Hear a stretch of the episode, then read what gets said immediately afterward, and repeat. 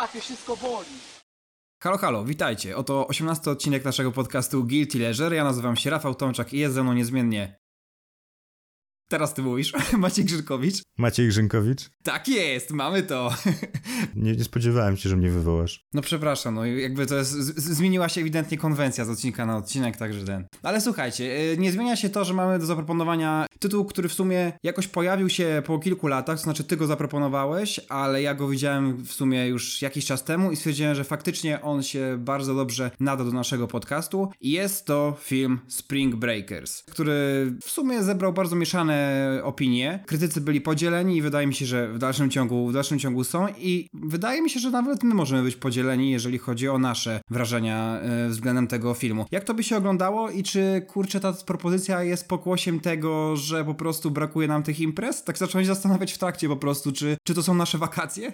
Wiesz co, ja myślę, że będziemy podzieleni, jesteśmy podzieleni, bo ja dopiero teraz oceniłem ten film na film webie i zobaczyłem, jak ty go oceniłeś. No i e, widzę, że jesteśmy trochę e, tutaj się nie zgadzamy, bo mi on się, no mi on się podobał. No, zastanawiam się, co jest w nim nie tak tak naprawdę. I patrząc na te różne oceny różnych krytyków, którzy byli negatywnie do tego nastawieni, no to tak w sumie się, what the fuck, nie? Dlaczego? Dlaczego jest tutaj aż tak e, źle? Czy jest pokłosiem tego, że nie możemy imprezować? Może? Może tak, ale może nie. Nie wiem. Mam wrażenie, że chociaż to się dziwnie składa w ten Cats Vegas, Spring Breakers, za tydzień co jeszcze będzie, taka zwawa, tak? No to rzeczywiście się składa na jakąś taką trylogię wypuszczenia od imprezowania. Ale kurczę, mam wrażenie, że ten film jest tylko po części o imprezie. No po części, jasne. Ja to swoją drogą na samym początku, jak bohaterki naszego filmu były na zajęciach takich uniwersyteckich, to ja wtedy sobie pomyślałem, że kurczę, ja to tęsknię za tymi zajęciami, już w dupie z tymi imprezami, ale tęsknię zacząć, to w ogóle w moim przypadku akurat jeszcze w ogóle nie wróci, więc to jest prawdziwa tęsknota. To znaczy, ja powiem tak, ja oglądałem ten film właśnie ileś lat temu w kinie i wtedy go oceniłem na 6, dzisiaj obejrzałem go drugi raz i zmieniłem ocenę na 4, bo stwierdziłem, że ten film jest jeszcze gorszy niż mi się wydawało po prostu. To znaczy, oczywiście, on potrafi, kurczę, zaskarbić sobie naszą sympatię wiesz, kolorami, muzyką, zdjęciami. No wiadomo, że ta estetyka jakby robi swoje, ten film jest fajnie i ładnie zrobiony, ale dla mnie to tam po prostu, wiesz, nie ma niczego więcej. Ten film nie oferuje za bardzo fabuły, a w ogóle sama konwencja tego, żeby puszczać bardzo często te same ujęcia i powtarzać te same kwestie, gdzie jesteśmy w tym takim imprezowym transie, bo w ogóle o czym opowiada ten film? O tym, że nastolatki wyjeżdżają sobie na ferie i w sumie się bawią, tak? W dużym uproszczeniu? Czy właściwie może nie w uproszczeniu? Może to jest bardzo trafny opis? Dodałbyś coś od siebie, jeżeli chodzi o fabułę? Że się bawią? No, potem zaczynają bawić się w gangsterkę, oprócz zabawy takiej tem po prostu. No tak, to prawda. Zaczynają się bawić w gangsterkę. Do tej poważnej gangsterki to Selena Gomez podobno się musiała w ogóle nauczyć palić papierosy, bo przed tym filmem podobno nie, w ogóle nie była w stanie tego robić. Także specjalnie się do tego przygotowała. Ja w ogóle mam takie poczucie, że jedno na pewno twórcom tutaj wyszło, a mianowicie jest tutaj angaż aktorski. To znaczy, jeżeli miały się trafić jakieś bohaterki, które jednocześnie mogłyby być jakoś tam przeseksualizowane, a jednocześnie ultra słodkie, no to faktycznie Vanessa Hudgens czy Selena Gomez to mogły być dobre typy. Jan Kleosia oczywiście. Tak, którą niestety wycięto z tego filmu. Nie, ale Jan Kleosia była w tym filmie, w sensie jedna laska mi tak przypominała Jan Kleosie, więc no moim zdaniem ona była w tym filmie. Jak dla mnie to aktorstwo też jest rzeczywiście tutaj mocną stroną, ale w ogóle to, co ja bym tutaj obronił i powiedzmy, dla, dlaczego moja ocena jest zapewne wyższa od twojej, to jest również to, jak są napisani ci bohaterowie, szczególnie Alien, którego gra James Franco. Mam wrażenie, że on jest bardzo realistycznie e, napisaną postacią. Wiesz co, może to być też pokłosie tego, ja się o tym dowiedziałem już po, po seansie, że w sumie jego postać jest trochę oparta na raperze Riff Raffie, który swoją drogą potem miał jakieś pretensje względem twórców, że został jakby bez uzgodnienia wcześniejszego odzorowany w tym filmie, więc e, no tak, no jakby postać Jamesa Franco jest ciekawa, tych dziewczyn w sumie też, tylko jakby mam wrażenie, że tam więcej, więcej w ogóle o naszych postaciach to mówią właśnie kolory, mówi muzyka, jakaś taka nostalgiczna, spirytualistyczna atmosfera, aniżeli, nie wiem, wiem, dialogi, czy faktycznie jakieś tam osobiste historie? Znaczy, dla mnie dialogi też są całkiem mocne, chociaż konkretnie w tym momencie mam na, na myśli jeden monolog bardziej niż dialog, czyli właśnie tego aliena, e, monolog o tym, jak on to wszystko ma. I on jest pozornie bardzo prosty, no bo on mówi, że tutaj ma karabin, tutaj ma jakieś ostrza, tutaj ma jeszcze coś innego, ale mam wrażenie, że ta prostota dużo, dużo oddaje, że to jest bardzo prosta rzeczywiście emocja, radość posiadania, czy asocjowanie jakiejś wartości z tym posiadaniem, e, nie została nijak tak zaowalowana w żaden poetycki sposób i to jest dla mnie pociągające całkiem, to jest dla mnie też e, odświeżające. Też rozebranie tego pociągu który, do, do materialności, który może być czasem wyjaśniany jako to, że no nie wiem, no chociażby w protestancki sposób, że mam więcej pieniędzy, znaczy, że jestem lepszym człowiekiem, prawdopodobnie pójdę do nieba. A tutaj jest taki bardzo sprowadzony do takiej pierwotności, co mi się podoba i mam wrażenie, że ten film w ogóle na tej podstawie może, może trochę wygrywać. To jest w ogóle ciekawe zestawienie właśnie takiego podejścia Jamesa Franco, który mówi o tym, że wszystko ma, z bohaterką Seleny Gomez, która właśnie jest powiedzmy tą postacią taką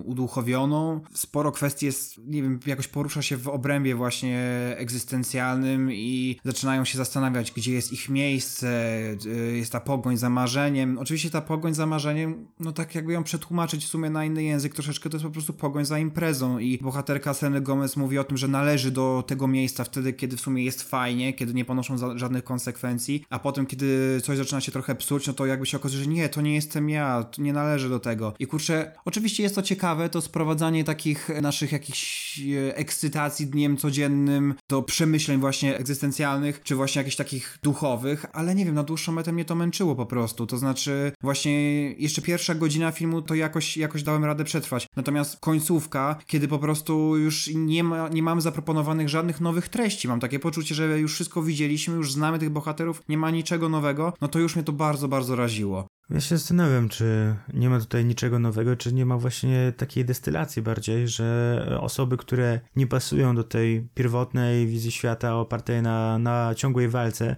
pozbawionej takich instytucji społecznych czy, czy moralności, to czy właśnie finalnie jest kulminacją tego i taki, no w sumie autentycznie Battle Royale, nie? że w końcu mm, jest e, wojna każdego z każdym i przychodzą do takiej kwintesencji tego filmu.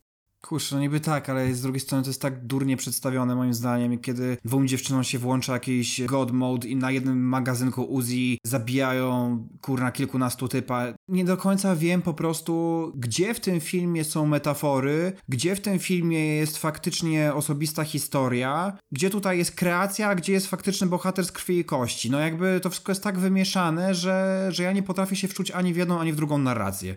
Ja mam wrażenie, że jedynym bohaterem z krwi i kości jest tutaj Alien właśnie i że to wszystko jakoś orbituje wokół niego. On jest tutaj punktem odniesienia. W sumie jak spojrzymy na te dziewczyny, to one, no ich postaci są mam wrażenie mniej rozbudowane psychologicznie, może oprócz w sumie rzeczywiście Faith, czyli bohaterki Seleny Gomez, ale właśnie można tutaj powiedzieć, że to jest takie napięcie między tymi dwoma skrajnościami, nie? czyli Alienem i Faith, które to napięcie jakoś tam rozgrywa narrację, wszyscy są trochę poboczni. No i swoją drogą, no same te ksywki są tutaj ciekawe, nie? Że Faith właśnie wierzy w te ideały, Alien zaś jest zupełnie obcy również do tego porządku, który jest, no właśnie na Florydzie. Chociażby tutaj, znaczy właśnie na Florydzie może jest ok, ale do tego porządku moralnego, który jest w tym naszym świecie. Mam wrażenie w ogóle, że on bardzo potrzebuje takiej akceptacji. I to, że on je w ogóle wyzwala z więzienia, on je wykupuje, to jest też taki, no, okrzyk samotności. Nie wiem, kurde, to znaczy z jednej strony oni działają jako y, jakieś tam przeciwieństwa i troszeczkę inne, inne podejście do życia, ale z drugiej strony i w jednym i w drugim przypadku chodzi o imprezę. Po prostu, to znaczy jakby tylko u bohatera Jamesa Franco to jest impreza inaczej rozumiana, gdzie jakby poprzez posiadanie imprezujesz, a u bohaterki Seleny Gomez poprzez jakieś takie duchowe doświadczanie imprezujesz. Ale koniec końców to się sprowadza w sumie do tej imprezy, no, która tutaj trwa półtorej godziny praktycznie i dla mnie jest to męczące, a dodatkowo dodatkowo jeszcze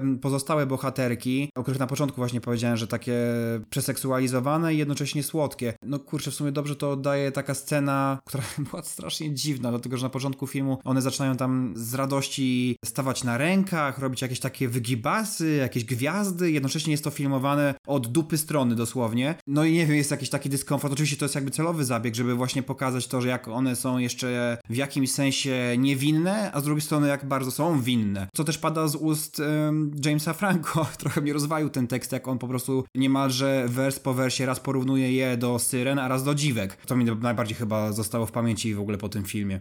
A dlaczego w takim razie, skoro ci się tak w sumie nie podoba, znaczy rozumiem, że wcześniej ci się podobał bardziej, to dlaczego to jest dla ciebie też przyjemność? Czy jest, czy może już nie jest? To znaczy przyjemnością na pewno jest to, jak jest oddany klimat, ta estetyka właśnie, wszystko to, jak te neony, nawet nie wiem, światła po prostu radiowozów jakoś idealnie nawet pasują do klimatu tego filmu, jak to jest przedstawione. Też jakby gra cieni albo jakieś przydymienie No to wszystko fajnie gra i bardzo mi się podoba podsumowanie, e, taki, właściwie taki krótki komentarz Jakuba Dębskiego, który napisał o tym filmie, że jakby nie chce zbyt dużo o nim mówić, dlatego że, cytuję, na każdy przytyk by można powiedzieć, tak ma być i to może być prawda. Właśnie o to chodzi, że mnie irytują te bohaterki, ale w sumie on pewnie miały irytować. Mnie irytuje James Franco i miało irytować. Irytuje mnie to, że 100 razy powtarzamy Spring Break w tym filmie i że setny raz jest to samo ujęcie, no ale wiadomo, że tak miało być. No i właśnie dlatego mam trochę poczucie, że to jest jakieś guilty pleasure, bo jakbym to, wiesz, widział raz albo dwa, to by mi się podobało, ale jak widzę to już ósmy raz, to już mnie to drażni. A w twoim przypadku? Czy to może być guilty pleasure, czy po prostu ci się podobało? Ja mam wrażenie, że my tutaj mamy kurczę trochę podobnie jak za Grecuko, czyli że ta forma dla mnie jest atrakcyjna, dla ciebie nie, e, no i o formę to tutaj chodzi mimo wszystko, co jest ciekawe, bo forma Grecuko była no po prostu, wiadomo, zapożyczona e, z japońskiego anime. Tutaj jest zaś forma, która powinna być nam niby bliższa, ale również potrafi bardzo podzielić, to chyba przez tę jej właśnie e, ekstremalność, bo można odnieść wrażenie, że Spring Breakers to jest trochę follow-up do Barbie Girl z zeszłego tygodnia, ponieważ no oczywiście jest to w mniejszym natężeniu, ale jednak również to natężenie jest wysokie tego plastiku, tego hedonizmu, no i takiej saturacji nawet po prostu, nie? W sensie nasycenia kolorami. I dla mnie na przykład to było atrakcyjne, cała ta forma mi się podobała, również to z tym zamieszaniem chronologicznym lekkim, które akurat właśnie było na tyle lekkie, że nie wprowadzało mnie w konfuzję, jak to było w przypadku czasu surferów, co jakoś nie ogarniałem do końca. Oczywiście to może być też problem ze mną, niemniej mam wrażenie, że tutaj jest to logiczniejsze albo może mniej radykalne, w związku z czym mi się to podobało, mi to powtarzanie Spring Break też się podobało, wybijało taki rytm powiedzmy. Miałem wrażenie w ogóle, że ten film jest generalnie houseowy, albo to było takie techno, że cały czas jest tutaj wybijany właśnie rytm przez powtarzanie tego Spring Break, przez chociażby różne inne e, efekty dźwiękowe, no czy to będzie strzał z karabinu, które też się powtarzają, bo zarówno na początku dziewczyny e, obrabowują pewne miejsce, żeby właśnie zarobić na wyjazd na Florydę, no a na końcu właśnie kończy się również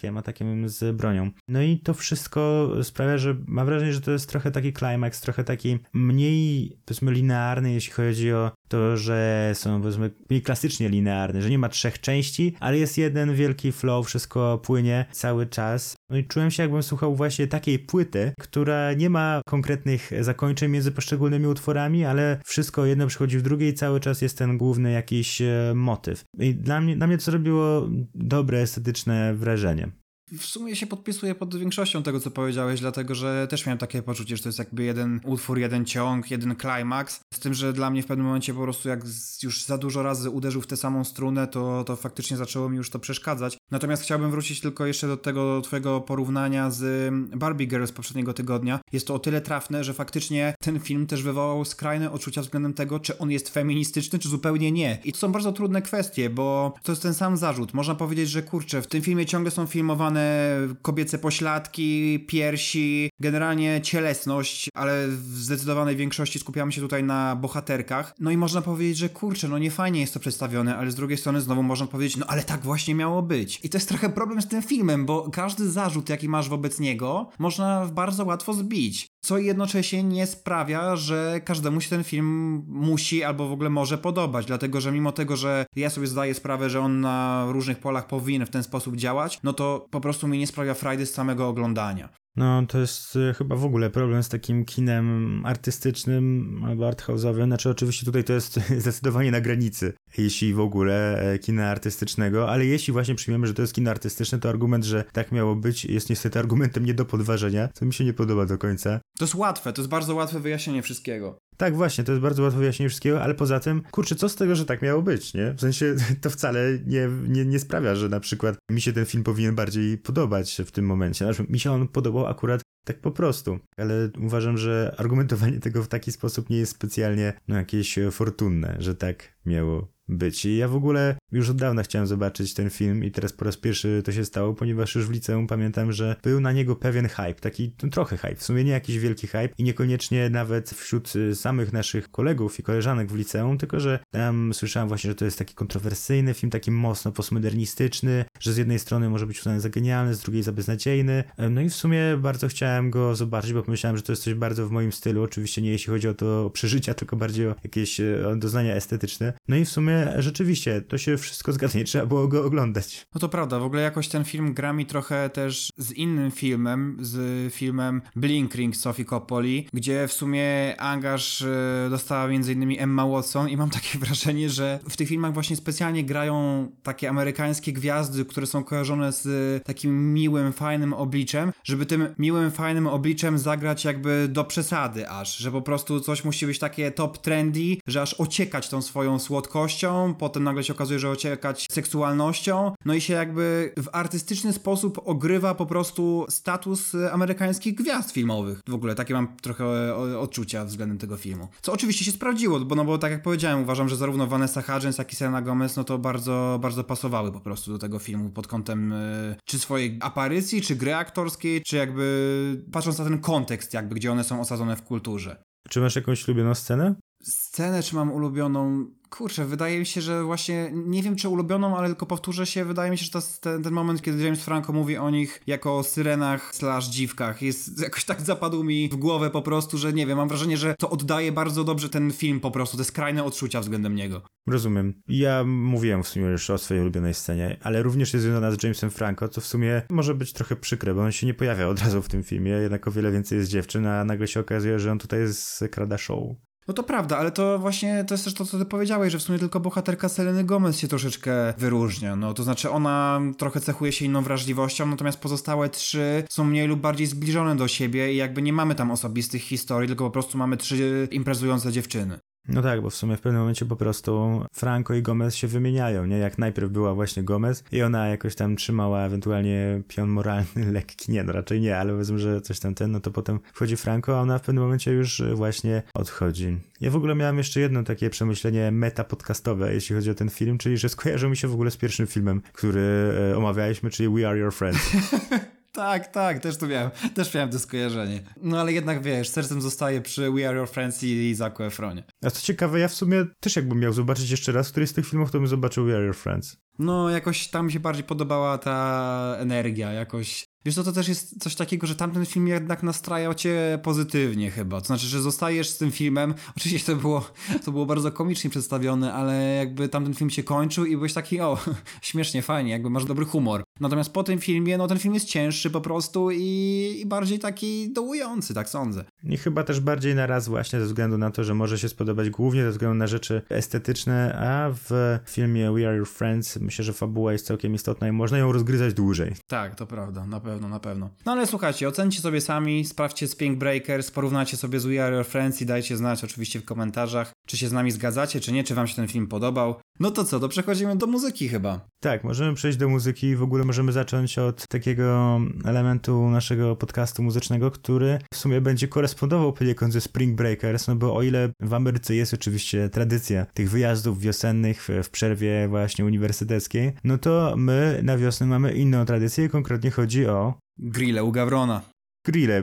U Gawrona może nie zawsze. Myślę, że niektórzy mogą mieć e, taką tradycję grillu u Gawrona, szczególnie osoby w Teresinie. E, no ale ja nie jestem z Teresina, ty też nie jesteś z Teresina, więc my nie mamy takich doświadczeń. Grill u Gawrona to jest nasza kolejna pozycja, o której będziemy dzisiaj mówić w naszym podcaście. E, otóż dlaczego? E, ja powiem tak, to jest moja propozycja. Ja lubię rapera Białas, ja lubię producenta Lanek, Jadę w Uber.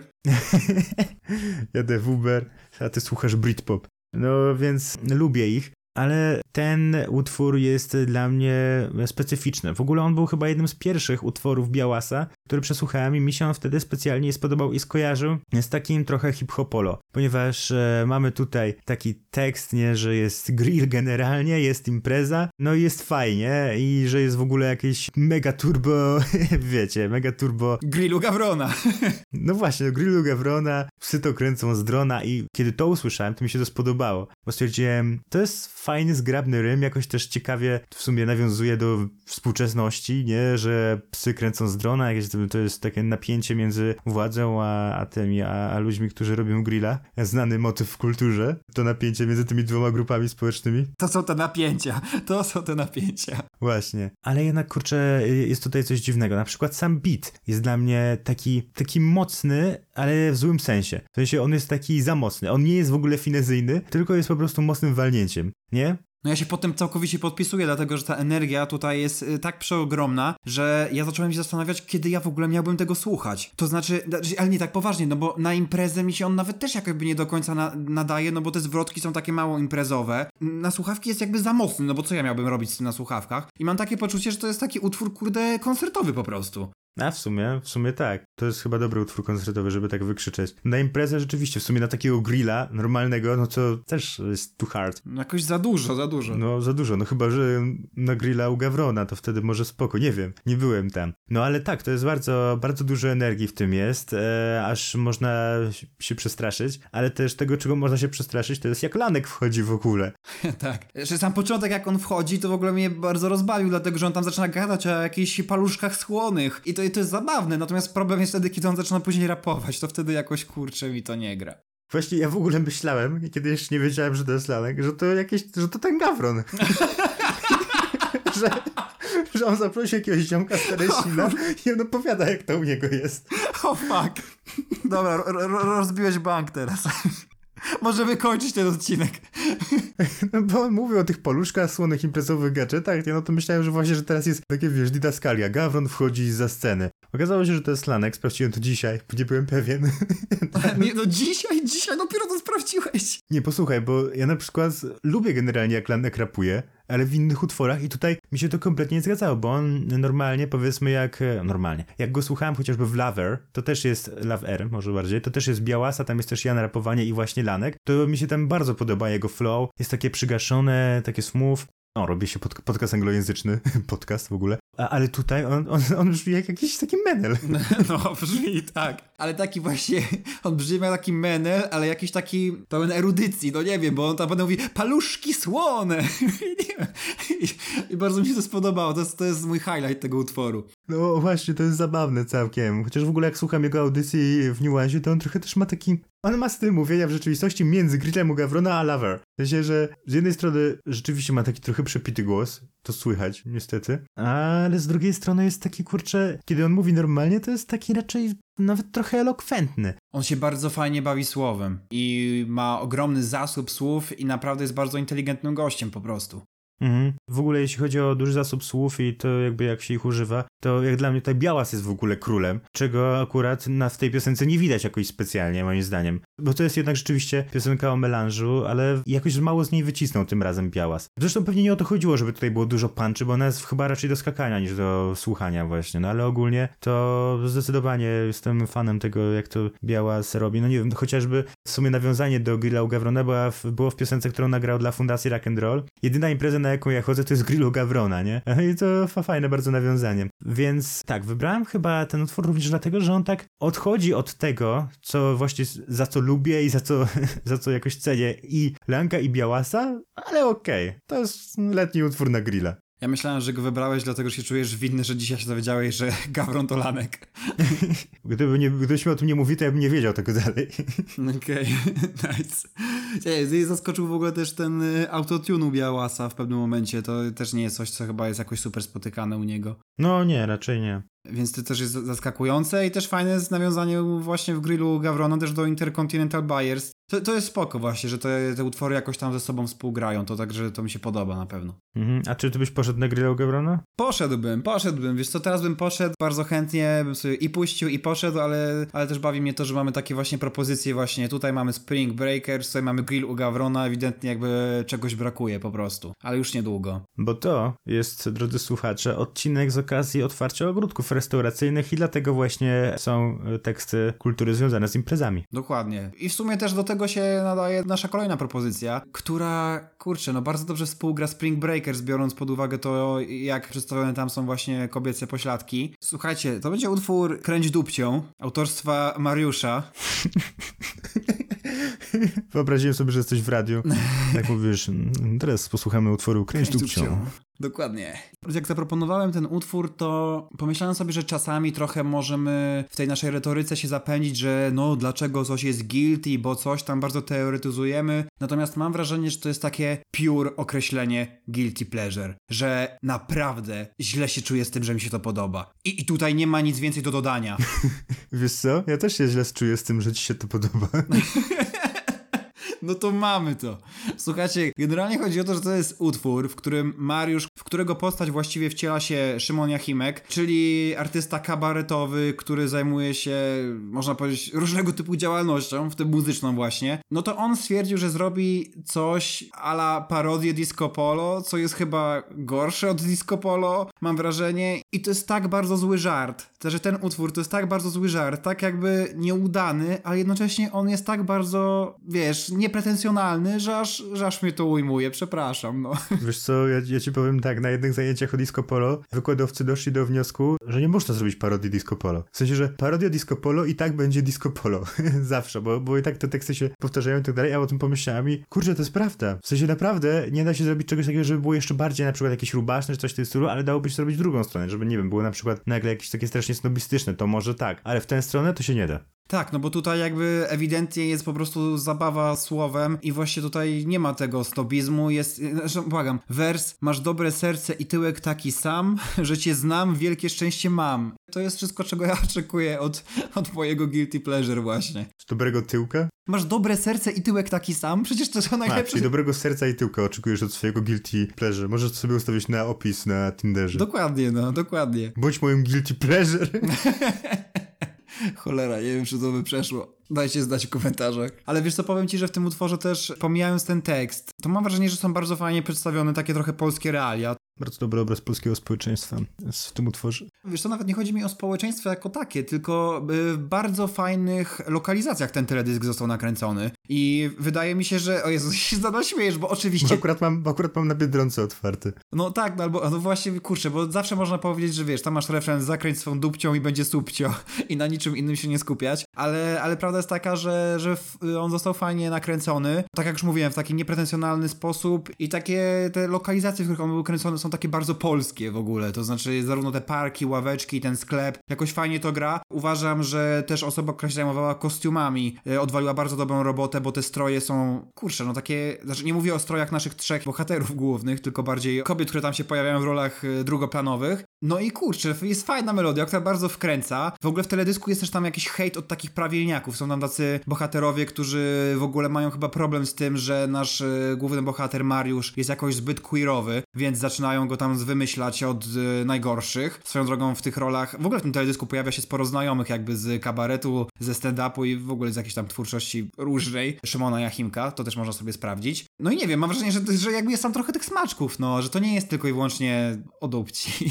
Znaczy, jeśli chodzi o to, co mówiłeś, że to jest obraz e, polskiego społeczeństwa jakoś fajnie przedstawiony, to mam wrażenie, że, że w sumie tak. W sensie, że to parodiowanie disco polo sprawia, że zauważa tutaj jakieś e, tendencje, chociażby, nie wiem, w jakiejś tam w modzie, nie wiem, w, w, znaczy w modzie. Właśnie ty też zwróciłeś uwagę na te kostiumy chociażby, no ale właśnie na to, jak się e, ubierają klasy, niższe klasy średnie, klasy ludowe, no ale też e, inne osoby słuchające disco polo, znaczy co się z tym wiąże, jeśli chodzi o konsumpcję kulturową. Wydaje mi się, że, że to całkiem dobrze oddaje się, byśmy to traktowali jako wideo esej na temat polskości. Spoko. Ale kurczę, ja to oglądając, to musiałem aż sprawdzić, który to jest rok, bo miałem wrażenie, że takie żarciki typu podrywam starszą panią, to się skończyły w 2008 mniej więcej, ale jednak nie. Kurczę, no niby tak, ale właśnie jakby to, to jest takie beznadziejne, no bo masz tam żarciki w stylu właśnie podrywam starszą panią, więc się śmiejemy, że w teledyskach zazwyczaj są jakby e, młode, seksowne kobietki, a tutaj podrywamy starsze panie, ale z drugiej strony ja jestem w stanie uwierzyć w to, że na planie zdjęciowym tam była ogromna radość, że e, oczywiście to może być złudne wrażenie, ale nie wiem, no mam wrażenie, że oni tam czerpali ogromną frajdę z nakręcania tego teledysku i tak sobie też pomyślałem w ogóle, na ile o tym utworze możemy powiedzieć, że jest on społecznie szkodliwy. Tam w ogóle na sam koniec pojawia się taka plansza, na której jest m.in. tekst Żadna pani nie ucierpiała podczas kręcenia tego teledysku. W przeciwieństwie do arbuzów.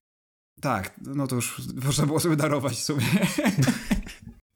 ale, ale chodzi o to, że może to jest daleko posunięte rozumowanie, ale mam takie poczucie, że ten teledysk i w ogóle ten tekst jest tak durny, ale on jest tak durny, że autentycznie ta szkodliwość społeczna jest tutaj po prostu znikoma. No tak, no w sensie to, to nie jest coś takiego, że ktoś mógłby się z tym autentycznie identyfikować chyba. Tak mi się wydaje, więc jeśli o to chodzi, to to, to jest no, jest zbyt absurdalne. Tak, no to jest bardziej mamy do czynienia z groteską niż z jakimś takim przełożeniem rzeczywistości jeden do jednego. No jednak umówmy się, to była jakaś forma satyry na ten świat disco polo. To, że ona jest nieudana, to jest inna sprawa. No ale wiadomo, że tutaj bardziej chodziło o to, żeby się tą konwencją zabawić w jakimś stopniu. Tak więc, no słuchajcie, kręć dupcią i będzie subcią, no. Tyle mam do powiedzenia, siema. Tego się nie spodziewałem.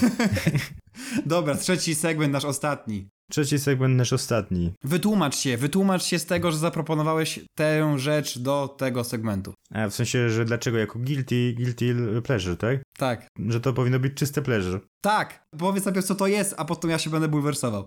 Dobra, to jest to filmik Internet w dwie minuty, czyli moim zdaniem jest to absolutnie genialny filmik, który łączy w sobie całego YouTube'a, polskiego YouTube'a, w sumie nie, nie wiem z których lat, ale pierwszy YouTube polski. Myślę, że wszyscy rozumieją tak swoją drogą, co jest ciekawe, że w sumie są rzeczywiście filmiki, które się kategoryzują jako pierwszy polski YouTube, ten klasyczny polski YouTube. No czyli jakby jest e, w ogóle to zmontowany tak, że jest podkład muzyczny z filmiku, że ktoś gra Kogo Jumbo na organach w kościele, też e, znany filmik, który mnie śmieszy sam w sobie.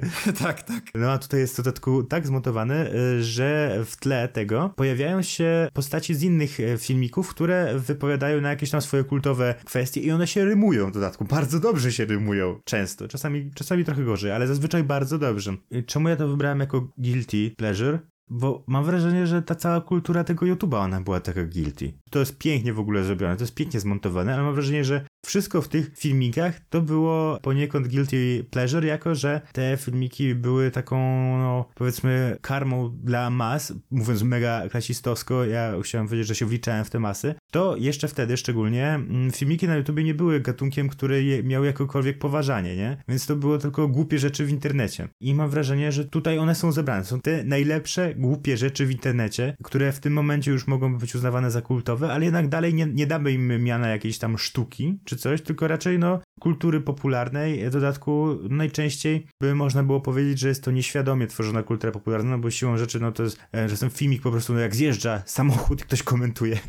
Nie, ale urwał, no wiadomo, no fajne, ale trudno było powiedzieć, żeby to był, było przemyślane dzieło sztuki i mi to oczywiście nie przeszkadza, ale e, można, można się zastanawiać na ile inni by nie mieli oporów przed powiedzmy cieszeniem się czy radością z czegoś takiego właśnie. Dobra, bo sobie dużo, dużo wątków poruszyłeś, postaram się odnieść do przynajmniej kilku z nich. Po pierwsze, jakby zgadzam się, że w ogóle ta zbitka tych wszystkich filmików jest e, rewelacyjnie zmontowana, rewelacyjnie jest to posklejane. To znaczy, ja jestem w szoku, że z takiego czystego złota dało się zrobić coś, co jest e, tak samo czyste i tak samo złote. To znaczy, naprawdę ten utwór jest bardzo fajnie ograny po prostu jako, jako utwór, nie tylko jako kompilacja najlepszych e, filmików YouTube'owych, więc naprawdę wielka, wielkie brawa dla twórcy. No i faktycznie te momenty wszystkie, które są w tym filmie przywołane, no to mają już ten status kultowy i zdaję sobie też sprawę, że można właśnie stwierdzić, że jakby ogólnie każdy z tych filmów pojedynczo to też jest jakieś guilty pleasure. Ja już trochę